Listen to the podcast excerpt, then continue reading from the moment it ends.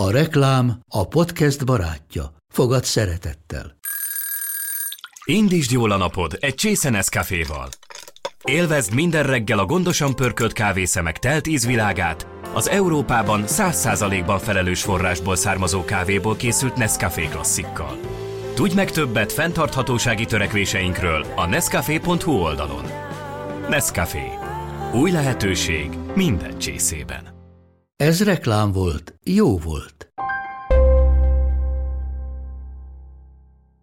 Beaton Studio.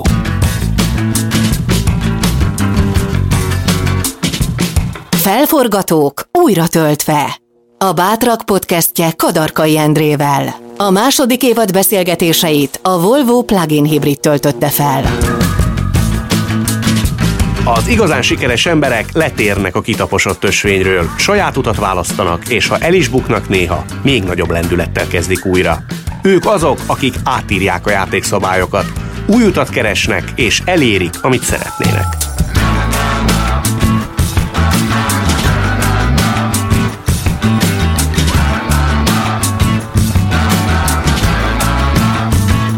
A Felforgatók Podcast olyan magyarok történetét meséli el, akik mertek szembe menni az árral, és sikerre vittek valamit, amiben hittek.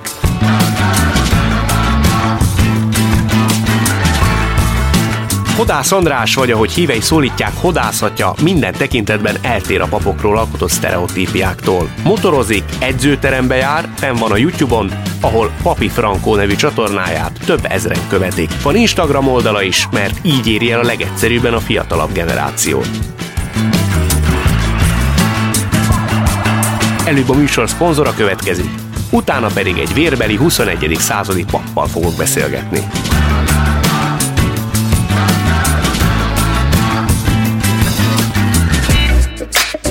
A Volvo bátor és úttörő márka. Egy igazi felforgató. Számos sorsfordító újítás kötődik a nevéhez. Ilyen például a három pontos biztonsági öv, amely ma már minden személyautóban megtalálható.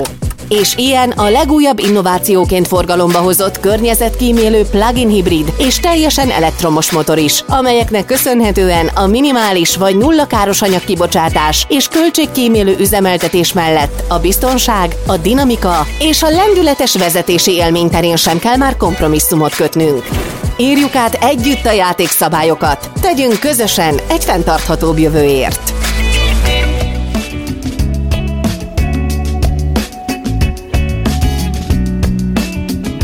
Azt jól láttam, hogy a Tankcsapda egyszerű dal című slágerét te is interpretáltad a napokban? Igen, jól láttad, abszolút. És volt benne egy Hát ilyen... az- Igen? Én csak megláttam ezt a felhívást, illetve barátaim küldték át, és teljesen egyértelmű volt, hogy erre nekem válaszolnom kell. És Miért volt is a dolog. egyértelmű? Hát egyrészt ez egy nagy móka, és én a nagy mókákba szeretek benne lenni, másrészt pedig régen nagyon sok verset írtam, és inspirál egy kicsit ez, hogy na akkor áttérni, újra gondolni, újra értelmezni, ez, ez ugye azért nem, alapvetően nem vers, hanem inkább ilyen csasztuska jellegű, hogy így, hogy így átírja az ember, de hogy maga a szövegírás izgalma, meg az alkotás, meg utána a gitározás, éneklés, felvétel, versengés, szóval ez egyértelmű volt, hogy ebbe benne kell lenni. Azt mondod, hogy mert hogy jó móka. A móka alatt mit értesz? Tehát mondjuk egy pap esetében mi a jó móka?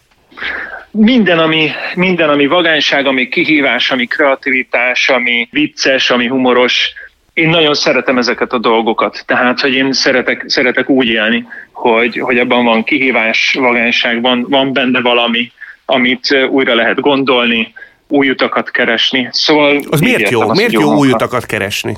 Azért, mert ö, mindig bennünk van az, hogy esetleg lehetne jobban is csinálni. Tehát, hogy ugye az a, az, az érvelés, amit sokszor szoktunk hallani, hogy de hát mindig is így csináltuk, Ugye, ha ez mozgatná a világot, akkor még mindig barlangokba laknánk. Tehát pont, pont a kreativitás, az újdonság, a kísérletezés az, ami viszi előre a világtörténelem kerekét, és ez, ez ilyen apróságokban mutatkozik meg igazából. Tehát most nem a kereket kell újra feltalálni, vagy a robbanómotort, hanem hogy mindenkinek a maga részén, ugye én pap vagyok, az egyházban, az egyházi életben, a, a hétköznapi életünkben mi az, ami, mi az, ami újdonság lehet, vagy új módon tudunk működni. A te esetedben mi lehet az újdonság? Tehát mit tudsz te a magad lehetőségei szerint, a te aktivitásoddal, magánságoddal mozgásképességeddel mit tudsz te reform, megreformálni az egyházban, vagy a saját magad területén? Nekem az, a, az az elméletem, ugye, hogy az egyháznak van egy tanítása, egy üzenet, amit mi a hitünk szerint az Istentől kaptunk, ez a Biblia, ez a kinyilatkoztatás, aki elmondja, a, a Biblia, ami elmondja, hogy kicsoda az Isten, és hogy hogyan lehet üdvözülni.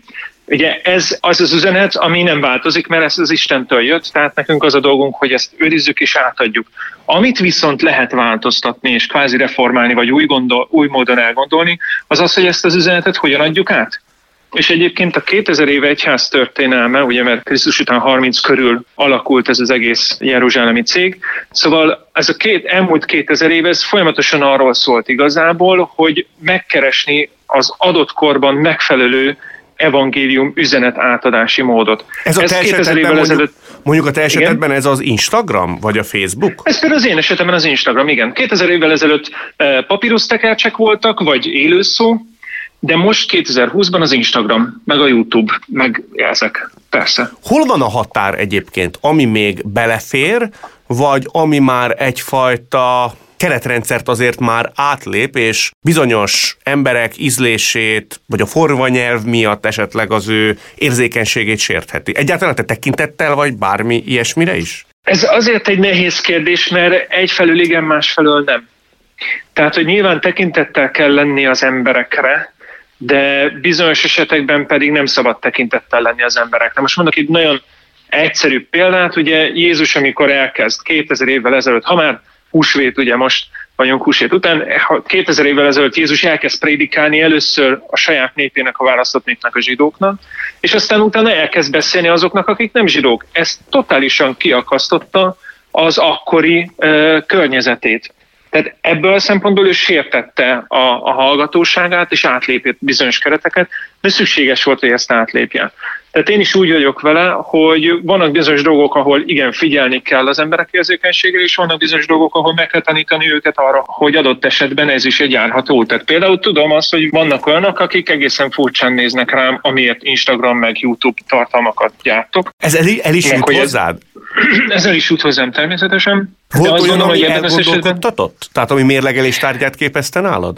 Mindig mérlegelek, és van egy kis tím, akikkel ezeket át, át is beszéljük, hárman vagyunk egyébként a, a Papi Franco brand mögött, és velük egy picit mindig átbeszéljük, hogyha olyan, olyan visszajelzés érkezik, ami, ami érződik, hogy érdemes megfontolni nyilván, tehát a mocskolódó kommenteket nem, de hogyha valaki visszajelzést ad, akkor azt igen. Mondasz egy példát, az... ami esetében például rájöttetek arra, hogy ott lehet, hogy egy picit határátlépésről beszélhetünk már, ami egy kicsit a túlzás irányába ment?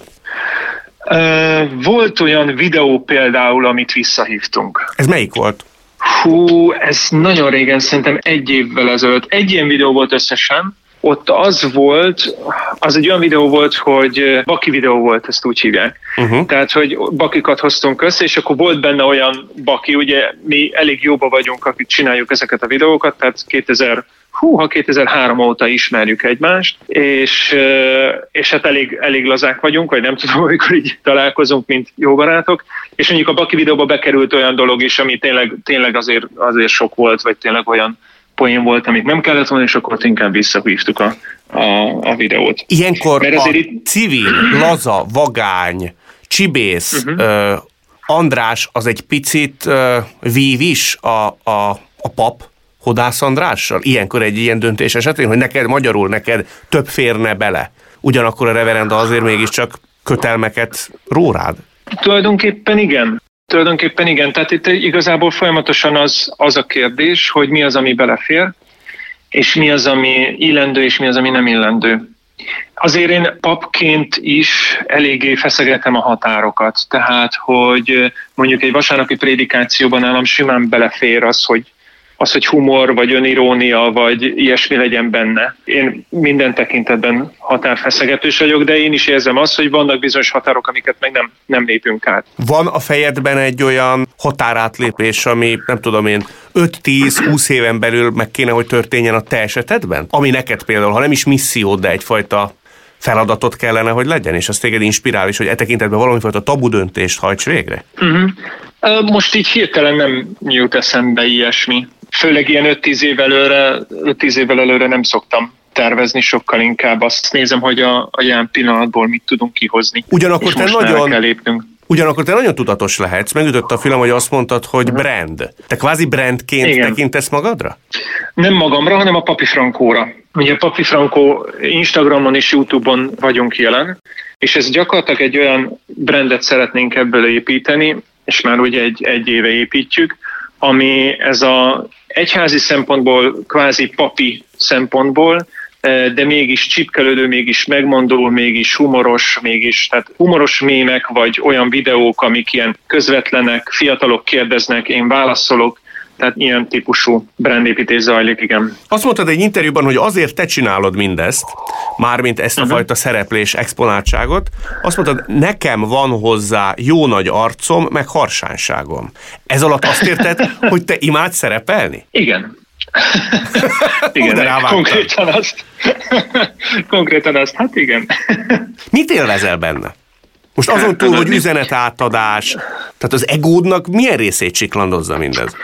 Az az igazság, hogy azért, ha valaki egy picit jártas az önismeretben és a pszichológiában, az tudja, hogy a legtöbb színész, politikus, pap, közszereplő, nem tudom kicsoda, legtöbben azért bizonyos szintű narcisztikus, narcisztikus elhajlással vagy narcisztikus személyiségzavarral azért küzdenek. A papok Tehát is? szeretnek szerepelni. Szeretnek szerepelni, szeretik hallani a hangjukat, stb. Ezt most Tehát általában nem véve a vagy- papokra is érted? Hát én szerintem a papok nagy része szintén, igen.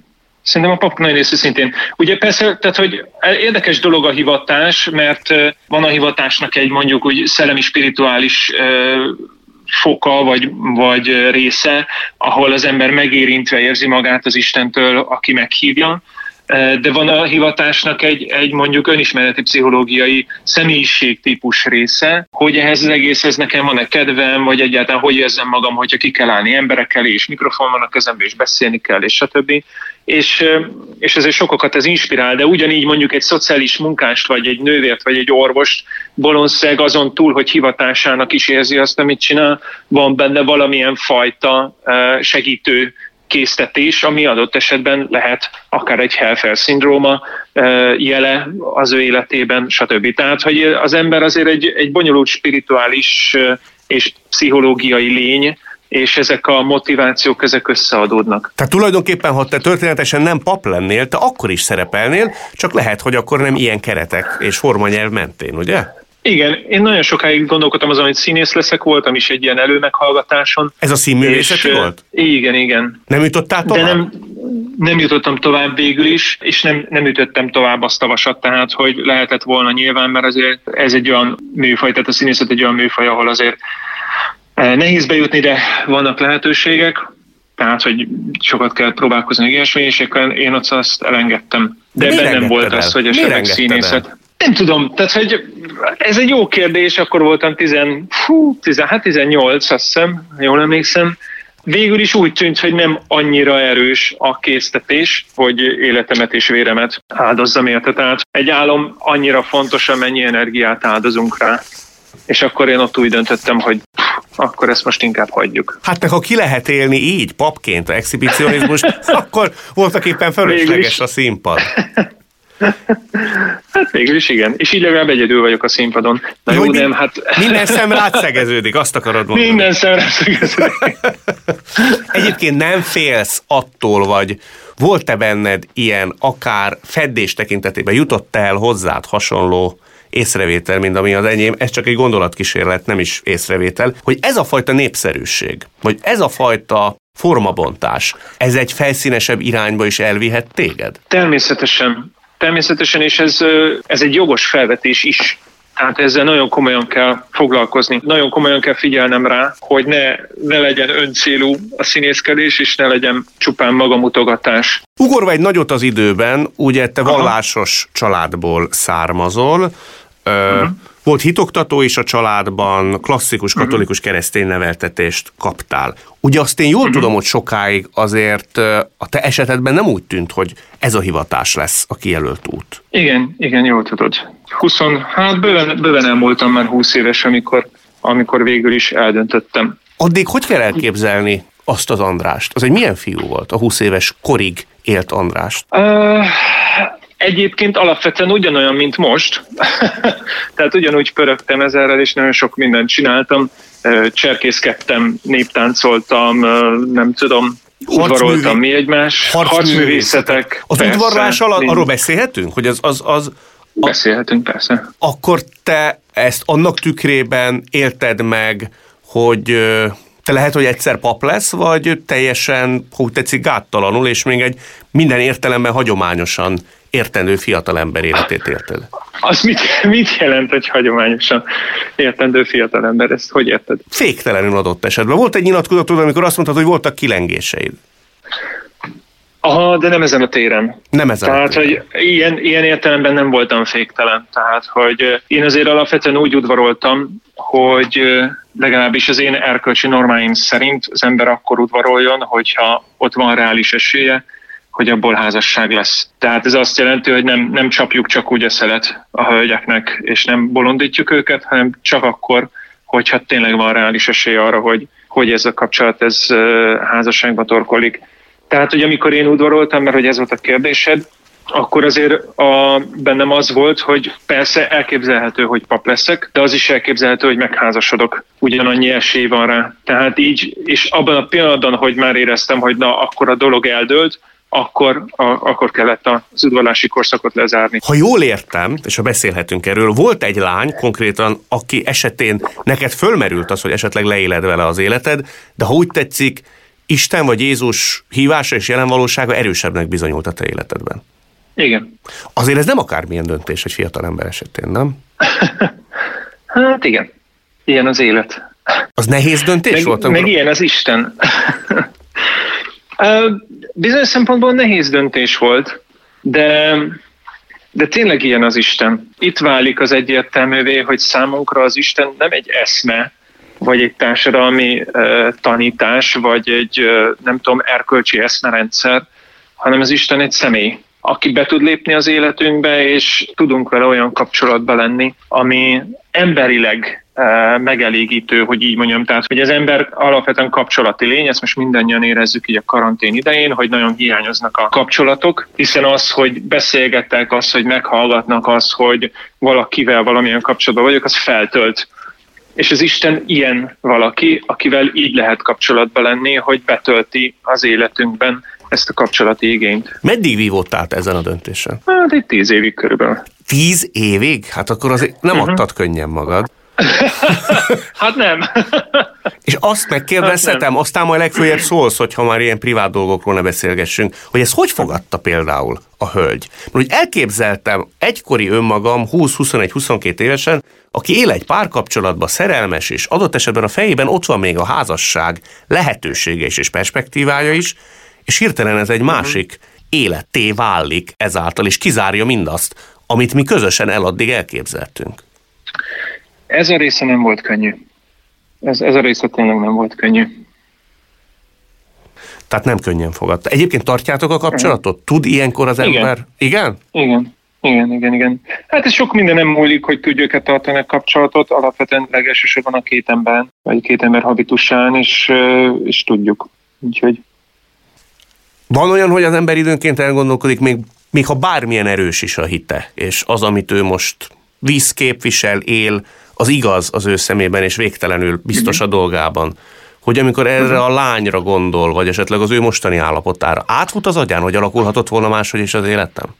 Hát persze. Abszolút. Azért az ember egy folyamatosan dinamikusan változó lény, tehát sosem tudunk olyan döntést hozni, ami úgy betonbiztos és sziklaszirált, hogy soha többet meg nem ingunk benne. Szerintem aki, aki úgy éli az életét, hogy bármilyen döntésében ennyire sziklaszilárd, az, az vagy nem őszinte magával, vagy nem, nem is tudom, mi lehet ott a baj, de nem hiszem, hogy létezik olyan házasság, olyan hivatás, olyan döntés, bármilyen döntés, amiben úgy tudunk százszerzékig biztosak lenni, hogy soha meg se fordul a fejünkben az ellenkezője. Te meddig jutottál el ilyen értelemben az elmúlt években a kétségbeesésig? Tehát volt olyan, hogy megkérdőjelezted azt, hogy ez jó döntés volt? Volt, persze. Azért alapvetően az életünknek a dinamikájában benne vannak a krízisek. Sőt, ezek a, az életünk természetes részei. És a krízis az a pillanat, amikor teljesen megkérdeződik az, hogy egyáltalán mit keresek én itt, miért, miért csinálom ezt, amit csinálok, stb.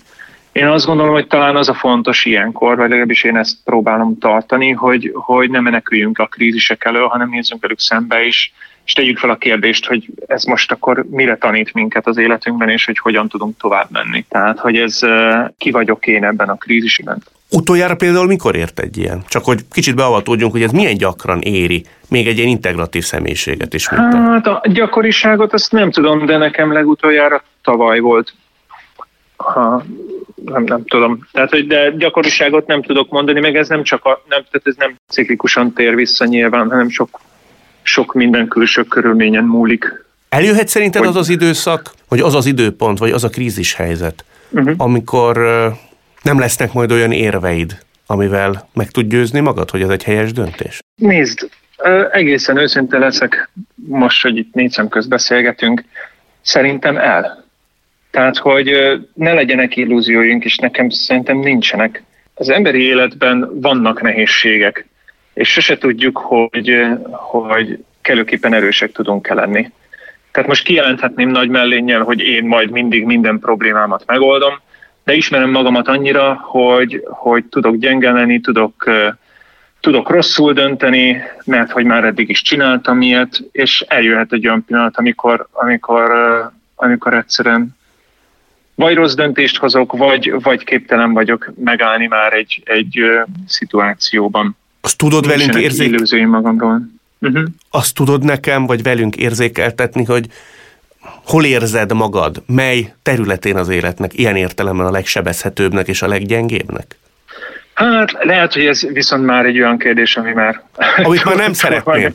Igen, Túl személyes. Bocsánat, és azt is köszönöm egyébként, hogy eddig Aha. beengedtél. Szerintem kevés pap beszél erről ennyire nyíltan. Ugyanakkor 26 éves voltál, amikor végső soron eldöntötted azt, hogy, Igen. hogy te végül is pap leszel. Ha jól tudom, akkor te Igen. Ö, egy szemináriumba kezdtél, amiről Igen. azt mondtad akkor, hogy hát nagyon embert próbáló volt. Mitől volt ez olyan nehéz?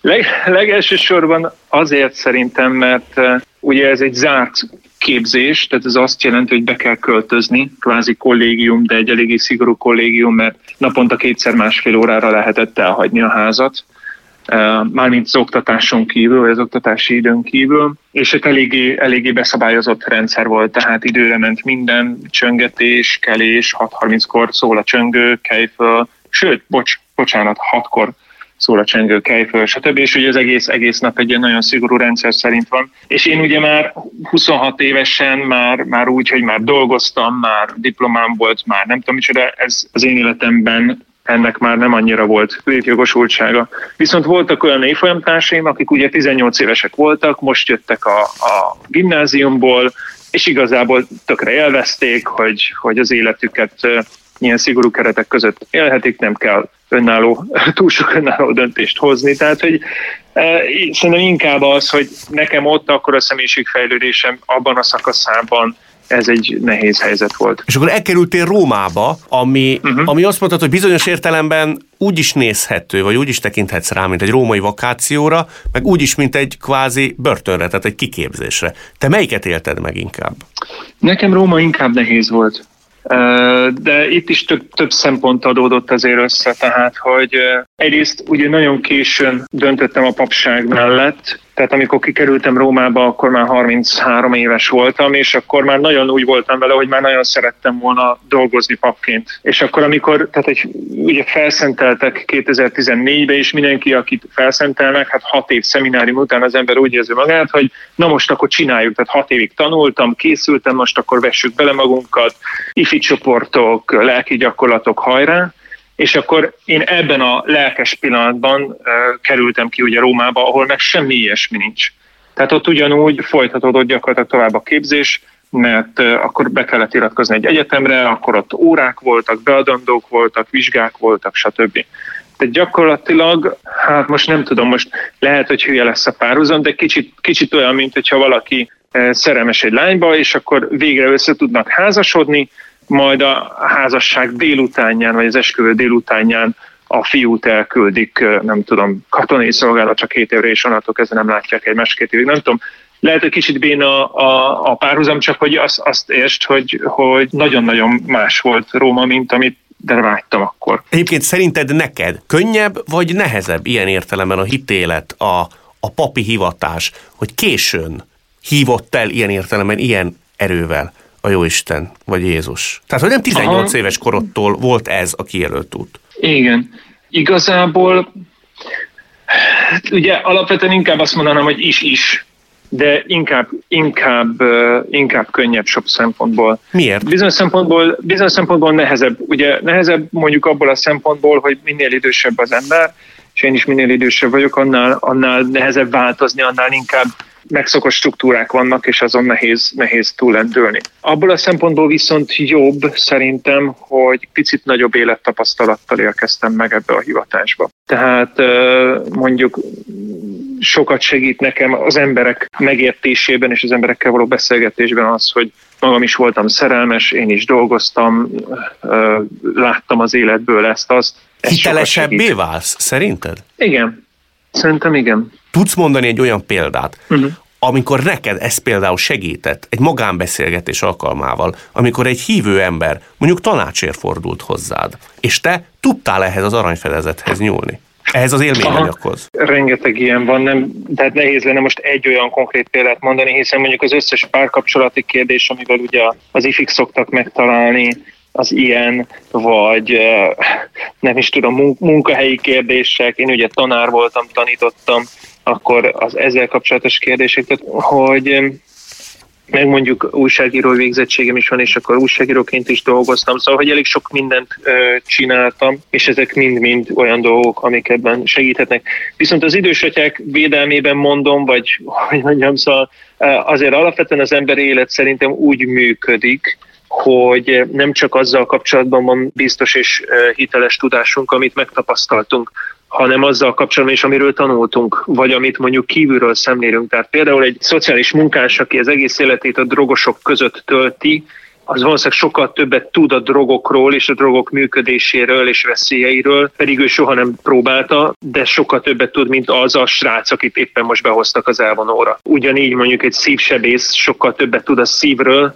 és a, a, a szív betegségeinek gyógyításáról, mint akár én, pedig ő soha nem esett át szívműtéten adott esetben, viszont nagyon sokat látott kívülről, és sokat csinált kívülről. Mi papok egyébként nagyon sok házasságot látunk ugye kívülről, nagyon sok életutat végig kísérünk az elejétől a végéig, tehát látjuk azt, hogy miből mi lesz, látjuk azt, hogy mi működik, mi nem működik. Ugye, hogyha valaki megkeres engem mondjuk házassági tanácsadásba, ő ugye egy házasságot lát a sajátját. Én pedig több tucat, sőt száz házasságot látok, és ebből le tudok szűrni egy olyan, olyan általános bölcsességet, ha szabad így mondanom, ami viszont annak nincs meg, aki csak a saját házasságában él benne. Még akkor is, hogyha ő egyébként benne él a házasságban. Egyébként, ha már ezt említed, ha rajtad múlna, és te dönthetnél róla, te eltörölnéd a papi cölibátust? Ha rajtam múlna és én dönthetnék, akkor nem törölném el. Miért nem?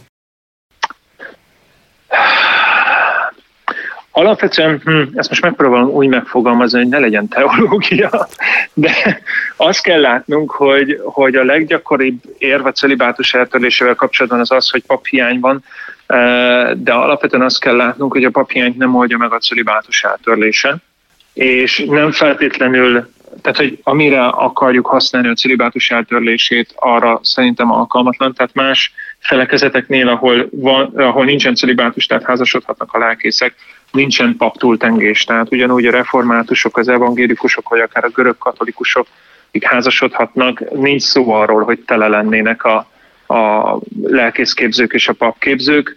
Alapvetően inkább arról van szó, hogy, hogy a hitnek van egy válsága annyi templomunk van, amit ugye száz évvel ezelőtt építettek a legtöbb templomot, főleg mondjuk Budapesten, a nagy háború utáni vallásos felbuzdulásban, és látni kell azt, hogy ezek a templomok kiürültek, és nem csak paphiány van, hanem hívőhiány is van. Szerintem a katolikus egyházat sokkal katonásabbnak, meg hierarchizáltabbnak látják kívülről, mint amilyen valójában.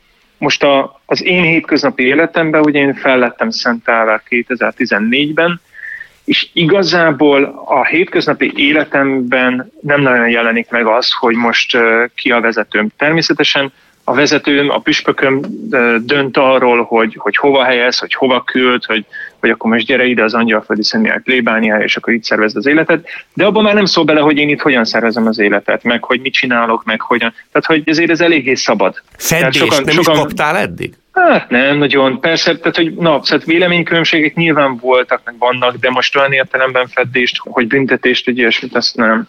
Szerintem sokan vágynának ilyen, ilyen főnök uh, szituációra, hogy hogy mondjam, hogy ilyen fajta főnökre, aki így, így ennyire uh, szabad kezet hagy. Tehát például itt, hogy csinálom a papi frankót, nem kell engedélyt kérnem a videók előtt, vagy nem tudom. Egyet árulj még nekem, szerinted ez a fajta reformerség, ez a fajta határfeszegetés, csak gondolatkísérletként vetem ezt föl, uh-huh. elhozhatja azt egyszer, hogy esetleg emiatt neked meg kell válnod a papi hivatástól? El. Olyan el, esetben, esetben el. olyan esetben akkor is a te igazságérzeted lenne, ami téged vezérlő elfként meghatározna? nincsenek kamikáze hajlamaim, de az igazság mindennél fontosabb. Tehát, hogyha azon az áron lehetnék pap, hogy hazudnom kell, akkor, az, akkor ez egy olyan ár, amit nem tudok megfizetni.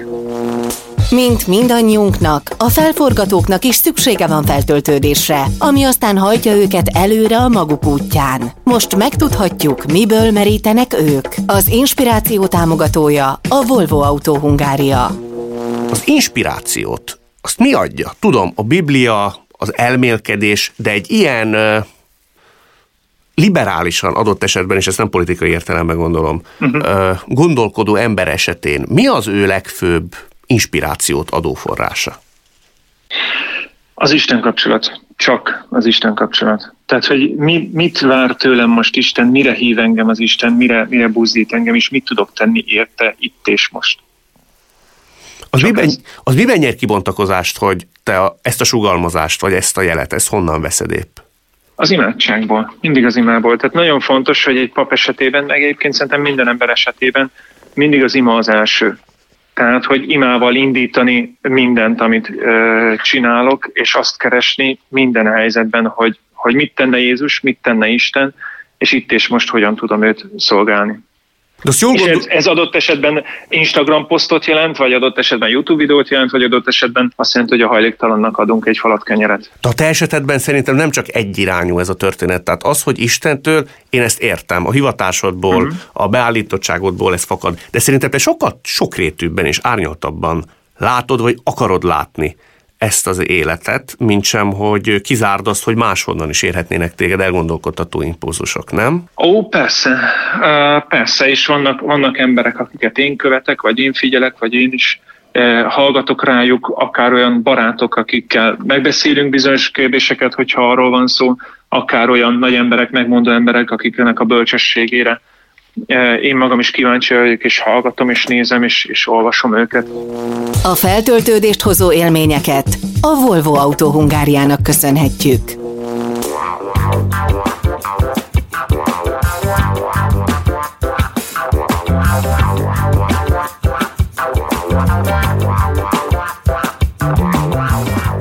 Valamikor véletlenül úgy alakulna, hogy a papokról csak a klasszikus sztereotípiák ugranak be, akkor jusson eszetekbe hodászatja, és felejtsétek el a kliséket.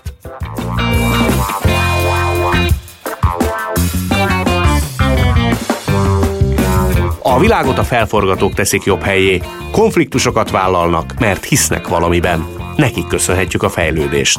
Magyarországon is vannak felforgatók szép számmal. A következő epizódban újabb hazai útkeresőt ismerhettek meg.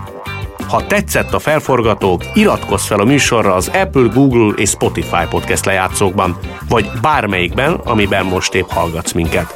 Kövess minket a Felforgatók Facebook oldalán és az Instagramon. Ha szeretnél világszínvonalú podcasteket hallgatni, nézz rá a beatonstudio.com weboldalra. Az összes műsorunkat megtalálod. A mai adás szerkesztője és vágója Kovács Málna, a zenei és utómunka szerkesztő Szűcs Dániel, hangmérnök Major Csaba, a gyártásvezető Gröger Dia, a kreatív producer Román Balázs, a producer pedig Hampuk Richard volt. Én Kadarkai Endre vagyok, legyetek felforgatók ti is.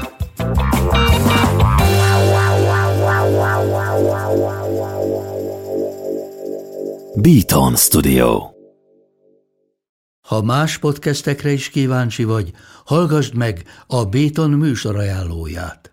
El tudod képzelni, hogy a podcastet, amit éppen most hallgattál, fél év múlva már a mesterséges intelligencia generálja? Mi sem. De ha érdekel, eljötte már a gépek lázadása. Hallgass bele az Embertelen podcastbe. Orsós Lajos vagyok, a műsor házigazdája. Egyelőre még élőben. Egyelőre. Fedezzük fel együtt, hogyan ismerkedik, randizik, mesél és vitatkozik Betty és Péter, két teljesen mesterséges intelligencia. Lajos, a podcast címét mond még egyszer, Léci. Oké. Okay. Embertelen podcast. Ez egy Béton podcast.